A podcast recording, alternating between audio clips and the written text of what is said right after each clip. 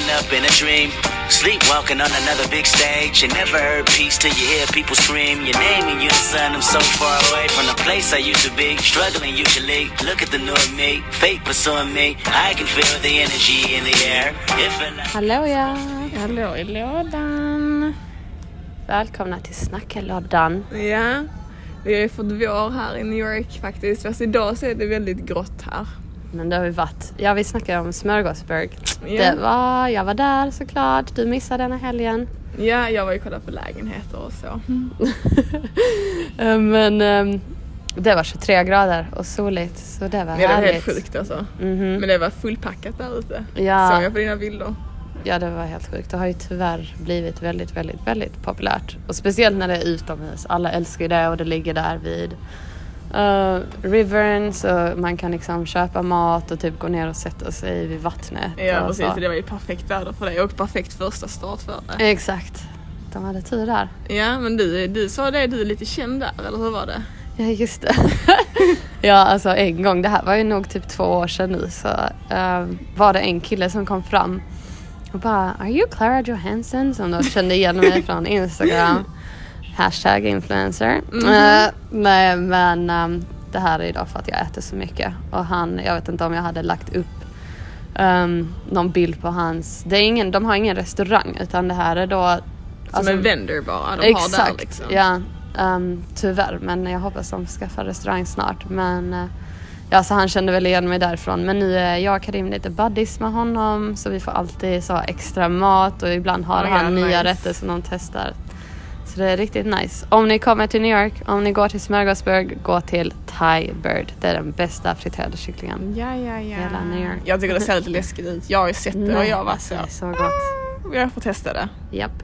Eh, på tal om någonting helt annat så snackade vi om, eh, vi introducerade vårt mörkertåg förra, förra avsnittet och eh, som sagt så är det jag som oftast är chauffören på det men hör och häpna, Klara var chauffören innan i veckan. Ja, ja, ja.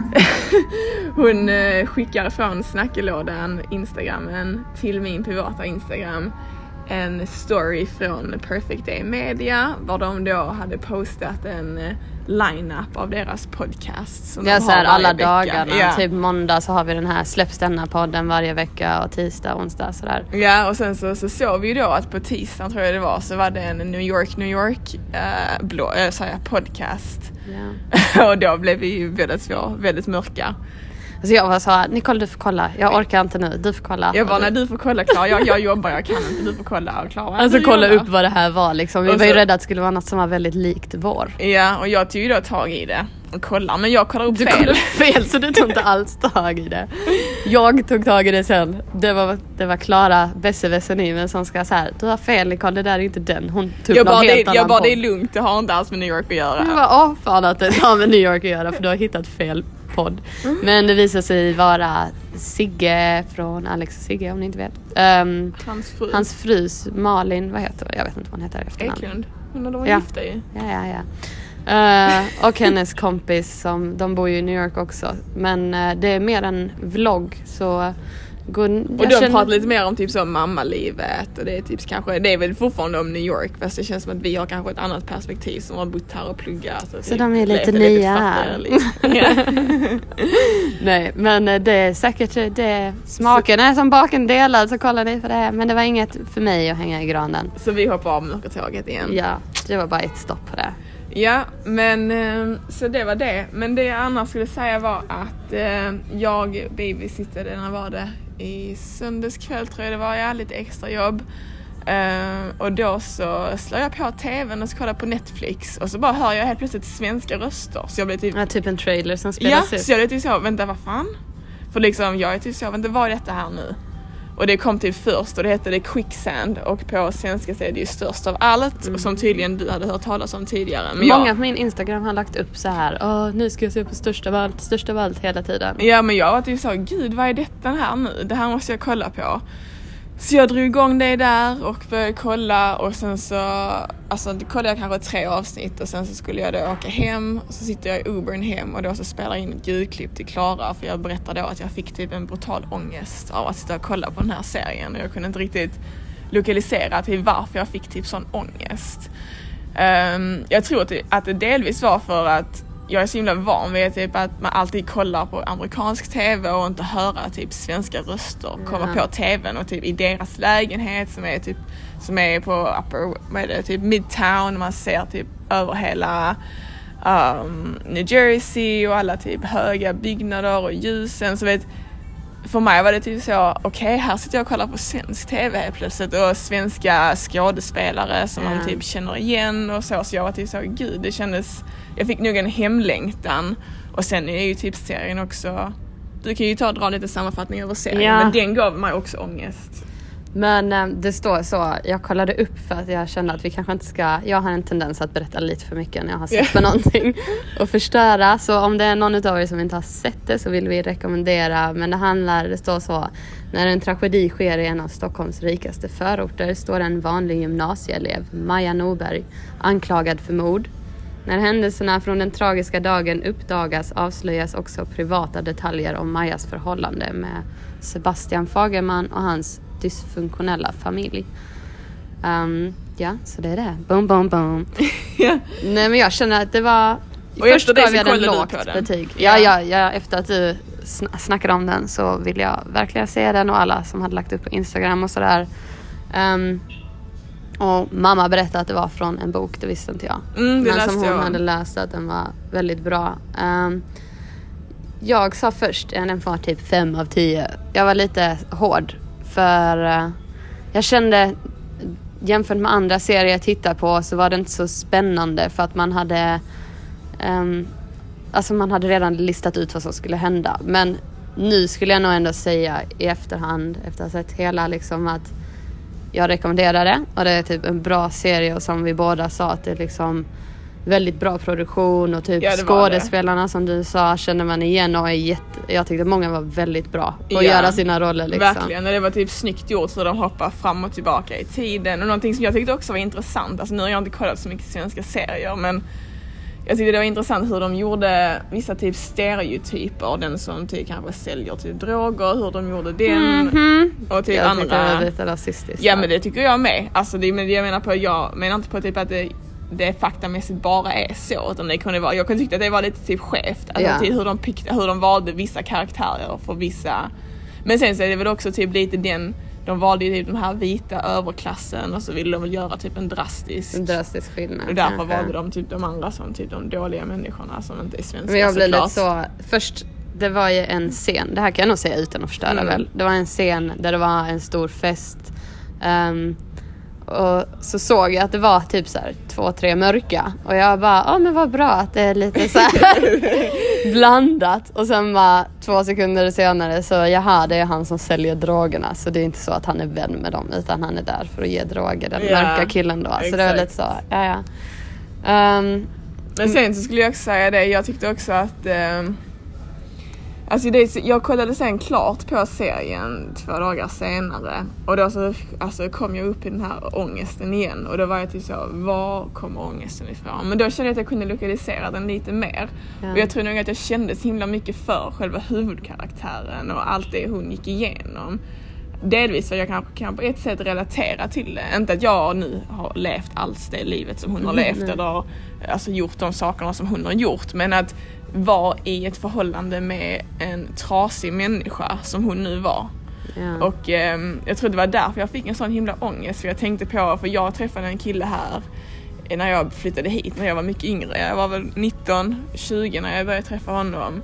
Och då var det så himla många saker som var nytt för mig. Alltså jag hade typ inte dejtat Ja. innan dess och typ dejta här också. Och han var mycket äldre än mig och alltså hade problem alltså med alltså alkohol och typ droger och sånt. Ingenting som jag tog överhuvudtaget och ingenting som jag i början förstod heller. Nej. Utan det var typ hans beteende som jag senare insåg att han, gjorde, alltså att han tog saker för att bli på ett visst sätt. Och att han eh, också kunde vara ett väldigt typ så, vara ett offer som den andra huvudkaraktären är i serien. Medan Ja. jag tycker att han har kanske inte valt att göra sig till ett offer utan han är ett offer på grund av sin dysfunktionella familj som Ja. också beskrivs. Men i min relation till den här andra människan, jag kände mer att han hade gjort sig till ett offer. Visst, han hade väl också en dysfunktionell familj men var mycket äldre och inte beroende av sina föräldrar men var På fortfarande sätt, gjorde sig till ett offer. Men som jag tyckte det var så himla hemskt att hon var typ en vanlig, typ snäll, gullig tjej och så tyckte jag typ att hon fick så himla mycket press ifrån andra runt omkring henne. Att hon skulle ta hand om den här andra killen då som hon dejtade. Och, det, och jag kan känna typ att det är så många tjejer som, unga tjejer och tjejer, alltså tjejer i allmänhet som hamnar i förhållande var de blir jättekära i en kille och du kan ha ett väldigt speciellt och typ så roligt förhållande men sen så kommer de här andra sidorna fram och det skapas liksom ett beroende. Att killen är typ beroende ut av dig. Exakt. Och när typ den människan visar ett sånt beroende gentemot dig och att inte har någon annan så känner du ut på något sätt en skyldighet fastän du inte har det. Ja. Och så kunde jag känna i den här relationen jag var ju också. Och jag tror att det var därför det skapade en sån ångest för mig. Att jag typ nu insåg att det kanske på utsidan var lite så att hon kunde få en sån stress i serien när han ringde henne och hon var tvungen att åka dit Ja. och om han inte svarade så trodde nog att någonting hade hänt honom, att, han var tvungen, att hon var tvungen att åka dit och du vet, de sakerna minns jag att jag kunde, typ, att jag kunde känna. Jag tänkte precis säga, jag minns en gång nu kanske inte du kommer ihåg för jag varnade inte dig om detta innan. Men jag minns en gång i Gramercy när det var typ exakt så här. Alltså Mm. när jag jobbade i, hos en familj i Gramercy och du var där, jag tror någon mer var där. Och eh, vi hängde liksom. Och sen den här killen då, för du träffade honom då. Mm. Han ringde och så här, typ jag kom hit nu. Alltså jag vet att du var så här titta på telefonen på ett ohälsosamt sätt. Mm. Alltså kontrollera hela, hela tiden har han skrivit och så fort han ringde, alltså om, så här, om vi sitter och käkar och Kadim ringer mitt i en, då kan jag typ inte svara och så kanske skriva typ är det något speciellt. För att det förstör lite om man hänger att man så här, helt plötsligt ska avbryta men det känns som du hela tiden var liksom, han var prioritering medans för honom så var inte du prioritering. Alltså Mm. du har ju släppt honom nu för länge sedan så det kan man Ja, väl säga ja, att han ja, var ja, ett svin på så sätt. Ja, ja absolut. Och jag tror det är där det typ kom lite, alltså att det kom att jag fick ångest för jag såg hur hon var typ så himla fast i det här förhållandet Exakt. med honom Ja. och hur han liksom var typ så att han verkligen behövde henne och det var typ så den här killen jag träffade också beskrev relationen till mig som att det var typ så viktigt att jag var där fast Ja. han kanske inte var snäll eller typ bra för mig alltid men sen så fanns det ju stunder som var bra och det är ju det som gör att du fortfarande håller fast liksom. med tjejer och, Och man blir killar lätt men man blir väldigt lätt manipulerad. Och man gillar det här att det är så ride or die och det är du och jag mot världen. Men ofta så är det ju och även när man ser det på TV så är man såhär oh, romantiskt. Eh, men nu när man är lite äldre kanske, Mm. när jag såg just den scenen när han sa så här säg att det är du och jag Ja, eller blir någonting, då blev jag så, psh, typ gå någonstans och skjuta. Nej, jag vet inte men jag blev sjukt irriterad på sättet han behandlar henne på. Men det är för att nu ser man rakt igenom. Men om man var yngre så kanske man hade eh, fallit för det här liksom. Ja, precis. Men det är ju väldigt så ohälsosam och manipulerande liksom, situation. Och sen så tänker jag, för jag, alltså man tyckte väl synd om den här killen utan att berätta för mycket nu. Ja, ja det gjorde jag Om den här absolut. killen men jag kände att ehm, för jag tänkte då, alltså ifrågasatte mig själv, men vad ska man göra? Är det fel av henne? För man förstod att hon stannar för att ta hand om honom och sådär. Men hur man egentligen skulle göra. Och jag tror att när man ser det från ett sidoperspektiv så tror jag att det här ta hand om grejen och vara typ ride or die, det är i längden bara ohälsa. Alltså, det förstör bara för den här människan. Så egentligen gör du inte det bättre utan du gör det inte bara sämre för dig själv för att du fastnar i det här och antagligen förlorar vänner och familj men också för personen. Men sen också typ att andra vuxna inte tar typ en ställning. Det tyckte jag var lite sjukt. Alltså, Men de visste inte allting och jag tyckte Mm. ändå hennes föräldrar var ju ganska hårda då. Det var ett tillfälle där hennes föräldrar var lite hårda och var så här, du ska inte, du går inte med honom hem nu för att han var liksom på droger eller vad det var. Ehm, men hon var ju över 18 då. Eller var hennes 18-årsdag och Mm. de, jag tyckte de var hårda. Jag bara tänker vad ens föräldrar hade gjort. Man kan ju inte helt så här. Du går absolut inte hem och typ Nej, hålla men jag fast vet inte, sitt kanske barn. kontakta typ så dens föräldrar. Exakt. Alltså, typ så. Ja, jag, det jag tycker jag. Typ att det var, ja, jag vet inte. Men det tråkiga är väl att det är väl så här det är i många fall i verkligheten ju. Mm. Alltså att folk är väl till viss del ändå minding their own business också. Men det är det jag känner att det är en sån regel jag har med mig själv. Jag vet att jag har sagt det till dig men att vad som än händer i ens förhållande, både med alltså förhållande med familj och vänner och eh, kärleksrelationer så tycker jag det är asbra att ha liksom ett gäng med bästa vänner som man kan vara typ helt öppen med och att man inte Mm. så här om något händer som är konstigt med någon vän eller med någon ehm, alltså med en partner eller så, så ska man om det. berätta det. för att det är ju ett varningstecken när man är så här.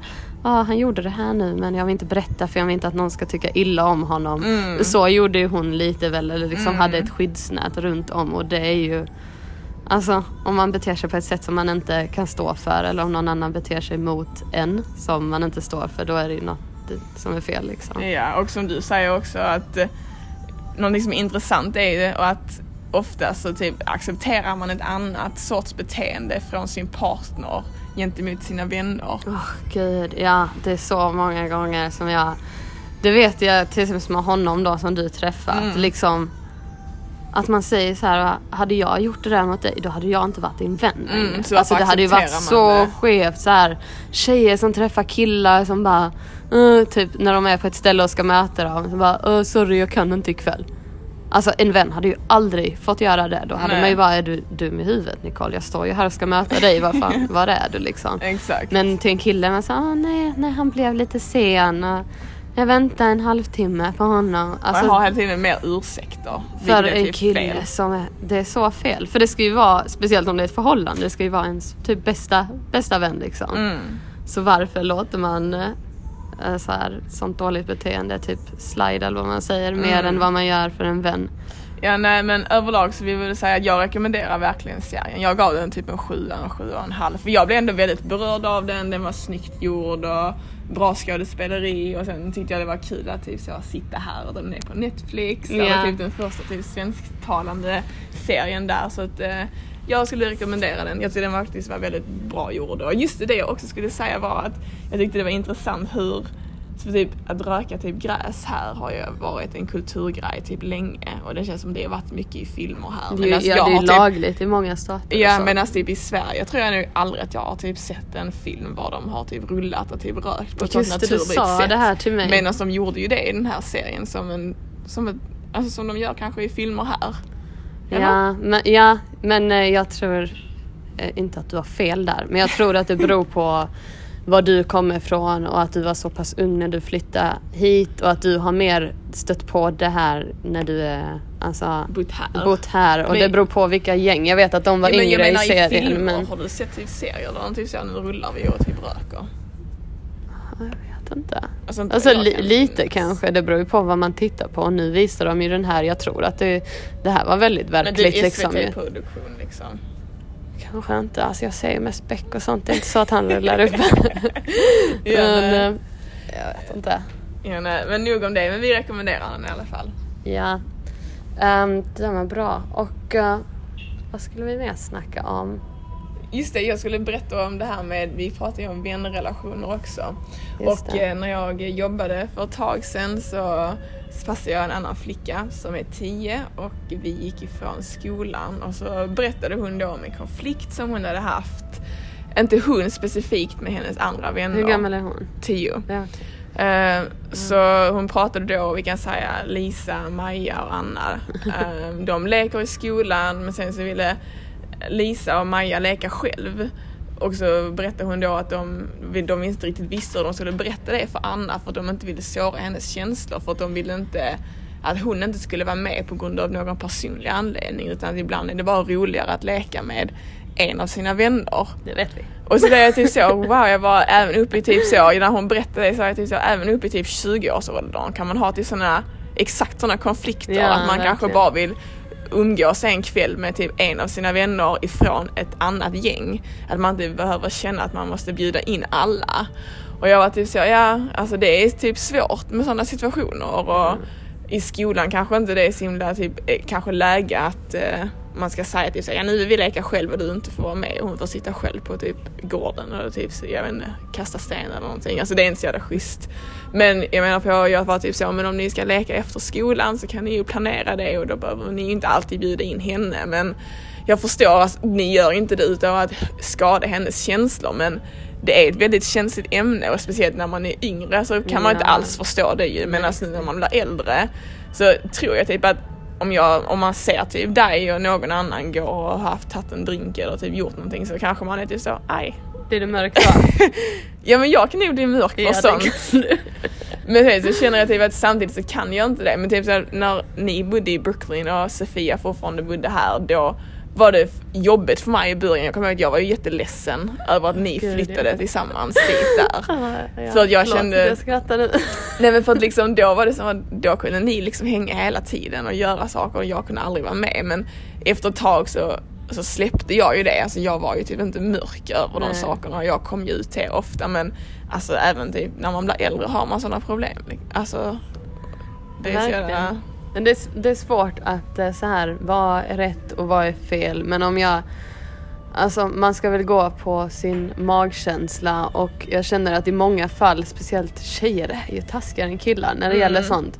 Och om man känner att så här, nu väljer jag att inte bjuda med någon, alltså då är det ju taskigt. Om det är som, jag hade en kompis som berättade för mig, liksom, de är ett gäng ehm, som gör saker tillsammans liksom. Och då hade no, då typ så här tre utav de fem eller vad det var liksom åkt och gjort något och verkligen planerat en hel grej och inte bjudit med. Mm. Ja, nej, och då det är är det så här, alltså i vår ålder också, då är det ju, det är lite så mobbing. Och Mm. de vet ju om det också men om det faller sig naturligt och att man är så här, ah, jag, är, jag är här i stan, ah, jag är precis där, ska vi ta en drink? Och sen då tycker jag det är lite löjligt att man, ah, men nu måste vi ringa alla i vår adressbok så ingen blir ledsen liksom. Det tycker jag också, i vissa fall, jag kan störa mig jättemycket på folk som så här eh, Jaha, ni gjorde det. Att de alltid förväntar sig det värsta. Att de tror att ja, det här hade vi planerat två veckor nu. Att vi skulle ta en Mm. drink utan dig. Och, alltså bara sådana negativa människor. Men För man när ska man ju blir jobba äldre på så det. är det ju liksom. väldigt så, man jobbar mycket, man har kanske en egen partner. Nej, Alltså, nu, nu, alltså, du bor med din kille, jag bor med min kille, vi har andra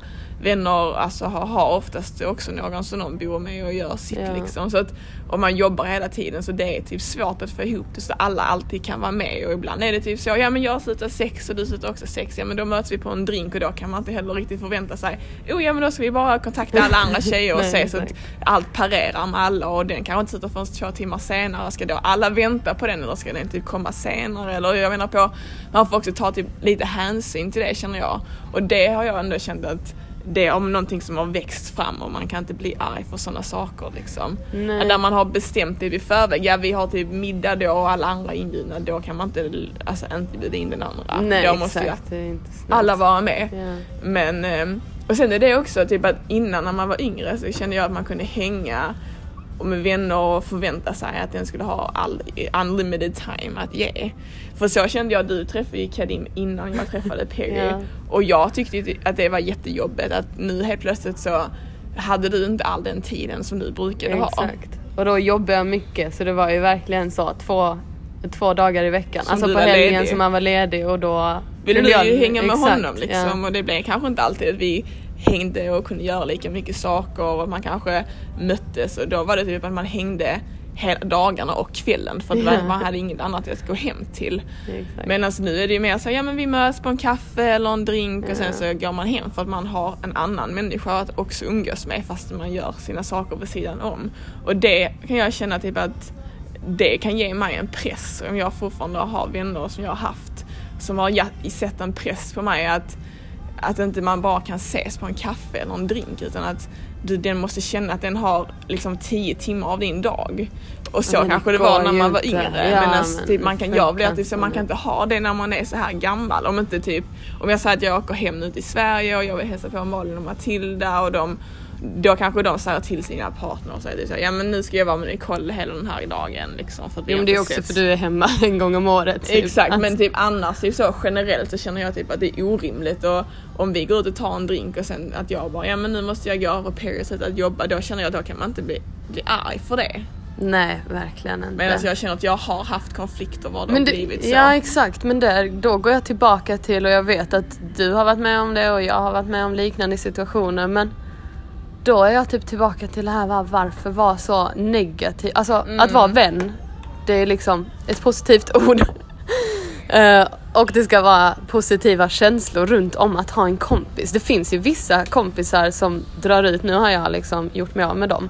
Men som, eh, nej men på allvar liksom, som tar ut så här, de ger en ångest och de får en att känna sig som en dålig vän och sätter upp så här några slags regler att så och så ska man vara och alltså letar efter fel då. Som Mm. att typ, ah, där gjorde du så. Eller ah, du ringde till mig och du tog en drink med Nicole och typ du visste att jag var ledig. Bara, alltså alltid tänker det värsta. Mm. Och det är inte, då blir det ju som att det rinner ut från att vara liksom en vän till att det bara är en stor ångestgrej. Exakt, så ska det, det, inte vara man, liksom. att det blir typ ett ångest kring relationen och när man ska ses. Ja, nej, verkligen. Sånt Jag tycker många ska typ både tjejer och killar men jag tror tyvärr att det händer fler tjejer men att man tar en typ blick på sig själv och om det är så att oj vad jag förlorar vänner och bråkar med alla då kanske det är du som orsakar det. För så har jag känt med vissa som inte jag har i min vänkrets längre att liksom Mm. jag har ofta så här tider där jag liksom gör självreflektion. Och det, Mm. alltså jag skämtar om det men det är jätteviktigt. Att Mm. man typ ser på sig själv och hur man behandlar människor och typ hade du varit okej med det här? Och så blir jag så här, kan inte den andra personen göra det? För ofta då eller i de fallen har det varit så här du har ju fel. För om liksom alla mina vänner och alla dina vänner och om du googlar det så är det du som har fel. Då är Mm. det liksom ett plus ett är två. Alltså att de inte kan så här Ah, konstigt, typ en efter en förlorar jag mina vänner och att de tror att var och en utav dem är det som gör fel istället för att mm, det är kanske jag som har ett mönster här liksom. Ja, har det blir alltså expectations som inte är riktigt rimliga. Exakt. som inte är rimliga Det liksom. värsta är ju de som inte själv, alltså förhoppningsvis så utgår de själv efter sina förväntningar eller behandlar vännen så som de själv vill behandla det. Men Ja. i vissa fall gör de ju inte det. Nej. Det är många så tjejer som typ har en kille och så har de så många krav på sina tjejvänner. Och så här ska du göra, åh du kan inte säga nej till mig för att du ska träffa en kille eller åh du kan inte göra så och så. Och sen så ringer deras kille och bara jag är här, så bara, måste dra. "Uh, okej. Mm. Ja, nej, självreflektion är väldigt viktigt. Och, alltså det känner jag i alla relationer. Jag har ändå fått känna det nu när jag har eh, varit med Perry. För jag har heller aldrig haft ett riktigt, riktigt förhållande så sett innan dess. Alltså på det sättet var man typ lever tillsammans och delar en vardag tillsammans. Så jag känner nog att jag kanske har kunnat vara den personen som har satt press på Ja. honom som typ kanske jag har känt att vänner har gjort på mig. Att det har blivit lite till ohälsosamt och jag har fått ta och reflektera lite över hur jag är och hur jag är som person och hur jag vill att han ska kanske bemöta mig och att jag kanske inte har bemött honom så som jag hade velat bli bemött. Liksom. Men det kommer ju två vägar. Ofta så, är det ju, alltså ofta så blir det ju en konflikt för att det kanske går Två åt som två gör fel, alltså tycker jag. Ja exakt. Att det är inte alltid, och sen ibland kan det vara så här eh, gråskalan, ja det är lite rolig side-note. Jag ville ju typ att vår podd istället för snackelådan ville jag att det skulle heta typ gråzonen för jag känner att jag ofta nu när man håller på att bli vuxen om man ens ska kalla det där men eh, att man hamnar i den här gråzonen när saker och ting kan Mm. göra en ledsen eller glad men det är varken rätt eller fel för jag vet att när jag var yngre, alltså för typ tio år sedan, så hade jag så starka principer. Mm, Att så här är det, verkligen. så är rätt, så är fel. Och Verkligen. komiskt nog väldigt starka åsikter om förhållanden. Mm. Fastän detta är mitt första förhållande. Jag var liksom singel hela livet. Otroligt glad över det. Men jag var så här. Gör den där så är det slut. Gör det där så är det där. Alltså väldigt så rätt, fel. Alltså allt var bara svart eller vitt. Och nu har jag förstått att ibland är det ju en... Ja men det känner jag, det Blandning. ser jag verkligen att du har växt på det och det är nog lite där jag har varit. Att jag fortfarande kan typ så, det där kommer jag och Nicole som tar alla strider kommer in. Ja. Att jag kanske kan ta vissa strider, det är typ så, du kan förklara ibland och vara typ så, ja det är kanske ett fel beteende. Men är det värt att ta alla de fighterna? Medan jag Exakt. kan vara typ så, det är fel, det är fel, det är fel och typ göra typ ett bråk utav varje men så, sen så när man väl startar det här bråket så blir det kanske inte någon förändring. Man måste också hur man come about things eller hur man Man har, ja, hur om man har lärt sig lite att... eh, vad, vad är det här? eh, typ choose your battles. Ja, Att man kanske ska välja lite vad som är värt att bli arg över liksom. eller Exakt. Jag får typ vara lite mer lättsam. Mm. Men inte låta sig själv bli typ alltså, respektlöst behandlad ju. Jag gillar också, jag, vi har ju sjukt bra relation när det gäller när man blir på mörkertåget i sin relation. Då har jag så här, bara ring mig i så fall. Ja. För egentligen när man är i en sån situation så är det bra så här, ta några andetag, ta ett steg tillbaka. Och jag känner, jag är lite, men jag är väldigt så taktikmässig när det kommer till Kadim. Ja. alltså, jag, jag har verkligen min, jag känner att det är som att typ så här, man har fått barn som nu ska uppfostra riktigt ordentligt, Mm, steg för steg och man har så här taktiker men alltså jag kan vara så när allt jag tycker nästan det är bäst att ta sina typ fighter när man är typ, när allt är bra. Ja men Alltså- det säger du ofta till mig. Men jag har typ så, jag har mer aggressionsproblem än vad du har. Ja. Så att jag kan liksom inte riktigt typ så kontrollera det liksom i stunden. Sen när jag väl har lugnat mig så är det typ så ja Nicole det där kanske var typ onödigt. Vi kanske inte behöver gå in på allt jag har gjort för jag har gjort sjuka saker. Ja, Skäms efterhand. Ja, vi behöver inte gå in på det. Eh, ni får DMa Nicole om ni vill ha special information när det gäller hennes detaljer på hur hon har betett sig. Men det är jag telefonen typ som har så, gått jag sönder. bara och när jag blir typ, för, för det, det blir som att Ja du tar dina fighterna till du Karim eh, när ni inte bråkar längre Ja. och det är egentligen bäst att Ja. då diskuterar man det och typ det här tyckte jag du gjorde fel, det här gjorde mig ledsen. Medan vet jag i stunden blir jag typ så okej, okej. Då är jag typ så ja okej. Alltså jag kan ju bara säga vi kan inte ta upp det nu ändå, jag tar upp det ändå. Bara för att låta folk skratta. Nej men jag har ju då, som Perry kan vara så när han ser att jag börjar bli irriterad och jag vill då prata om det. Men alltså då vill han inte göra det. Och då kan han välja att alltså, lägga på mitt i samtalet. Och det alltså, startar en sån, alltså det brinner inom mig när han gör det. Jag hatar när folk ligger på när jag försöker förklara någonting. Och då blir jag till så, jaha okej, han la på. Ringer igen. Svarar inte. Jag var okej, ringer igen. Åh herregud, jag har glömt detta. Nicole ringde 50 gånger. Oh my god. Ja. Ja, men alltså det, det- var ju, jag kommer ihåg när du berättade, du berättade ju, Lotten och Anna, jag hoppas ni lyssnar, ni var med också. Du Mm. berättade detta på en tjejmiddag och alla vi var så We're all psychos men du har alltså Wow. Men då var det mer så, jaha okej jag vet att du håller telefonen och du väljer att inte svara. Men jag förstår inte skillnaden på 50 och 3. Ja men då känner jag att men då ska du inte få lov att kunna använda telefonen.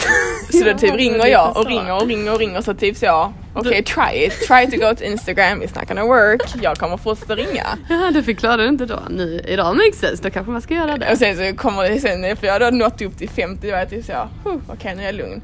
Men alltså ja, det har varit gånger jag har typ rivit ut hans skolådor, jag har typ hotat med att jag ska sälja hans studio equipment, alltså eller kasta ut genom Kasta fönster. ut, jag tänkte precis säga det är väl bättre att förstöra. Nej men jag tänkte sa, jag tänkte sa Anna till mig, hon bara nej fan förstör inte det, hon bara sälj det och let go så du får pengar för det istället. Business Anna. Ja, det är Fan, väldigt sant Men alltså. Perry vet redan allt Men alltså jag känner det att det är väldigt bra att ha ett förhållande som bygger lite på skräck. Alltså jag, jag gick förbi en bok här nu, vi är ju på Barnes Noble igen, eh, med Tiger Woods Okej. och hans fina tryne på framsidan och det var så här, alltså en, en bok om honom då. Okej. Jag bara, alltså jag ska läsa. Jag läste jag på baksidan och då var det så här glamoriserat bara He had it all. Number one golf player with a Swedish beauty of a wife. Typ la la la. Until one day from a mistake. Typ by an accident. Jag bara accident. Det råkar glida in i typ hundra andra prostituerade eller? Vad det nu var. Alltså och då var det så, ja sen bröts allt ner en Thanksgiving när detta och detta hände. Alltså då tänkte jag så här. Ja, ett, det här är inte sanningen. Men hur som helst. Ehm, har du sett hans mugshot? Ja, den är Några år efter. Alltså jag funderar på om man kanske ska ta den. Göra den i svartvit så den blir ännu mer dramatisk. Och sen rama in och sätta någonstans så att liksom Kadim har så här. så här kommer det bli. Så här kommer du se ut om du behandlar en svensk tjej fel.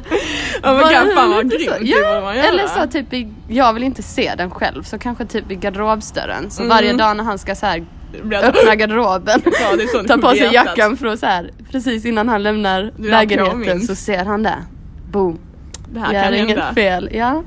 Nej men också jag kan sätta lite så skräck ibland i honom. Alltså han har ju tittat på mig x antal gånger när han bara Ja, men för, hjälp men, och det gillar jag. Men nu vill jag också bara meddela att jag kanske låter scary när jag typ ringer liksom 50 gånger och kastar ut skor och så. Men det har som sagt inte kanske gjort, hjälpt så jävla mycket. Jag försöker Nej det hjälper inte, man ska vara lugn och skräcksam Nicole. Ja men jag försöker jobba med, ja exakt. Så jag, jag har ju försökt jobba med det nu och jag har försökt att inte bli så aggressiv och låta min aggression utgå och så.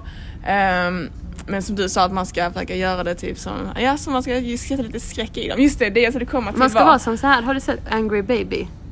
Alla ni borde följa Snackeloddan på Instagram. Jag lovar att lägga upp Angry Baby där. Det är så en liten bebis som skrattar och sen helt plötsligt switchar han och har sånt elakt uttryck. Han bara, Nej men det jag vill säga också, jag förstår varför Karim har blivit rädd när du, för du du utspelar inte din aggression på det sättet som jag gör. Vilket jag kan känna typ att det, det, det, du gynnar ingenting i att göra det. Du kan förstöra saker och det blir bara dramatiskt och typ Messi. Jag tycker man ska man ska liksom inte utagera sin aggression på det sättet och jag har jobbat på det. Men det jag vill säga är att jag tror det var typ en gång där Klara har blivit besviken på mig. Och vet när jag såg hennes ansikte då, då blev jag typ så Alltså jag blev typ så jävla rädd. Alltså jag, så, jag har aldrig sett Klaras ansikte bli typ så mörkt och typ hennes mun typ så skakade när hon pratade och jag var typ så oh shit. Tänkte jag bara. Nu var det typ allvar. Då var jag typ så okej okay, det här måste typ lösas omedelbart. Så jag förstår varför Karim blir typ rädd när han ser dig så. För man blir, man blir så okej okay, alltså. För det blir typ så, det är för du är annars en väldigt lättsam och glad människa så när du väl kommer till den punkten där du blir typ så pass mörk då är det typ så okej. Okay. Det vill man inte ska hända kan jag säga dig. Ja så det är bäst att ni alla fortsätter lyssna.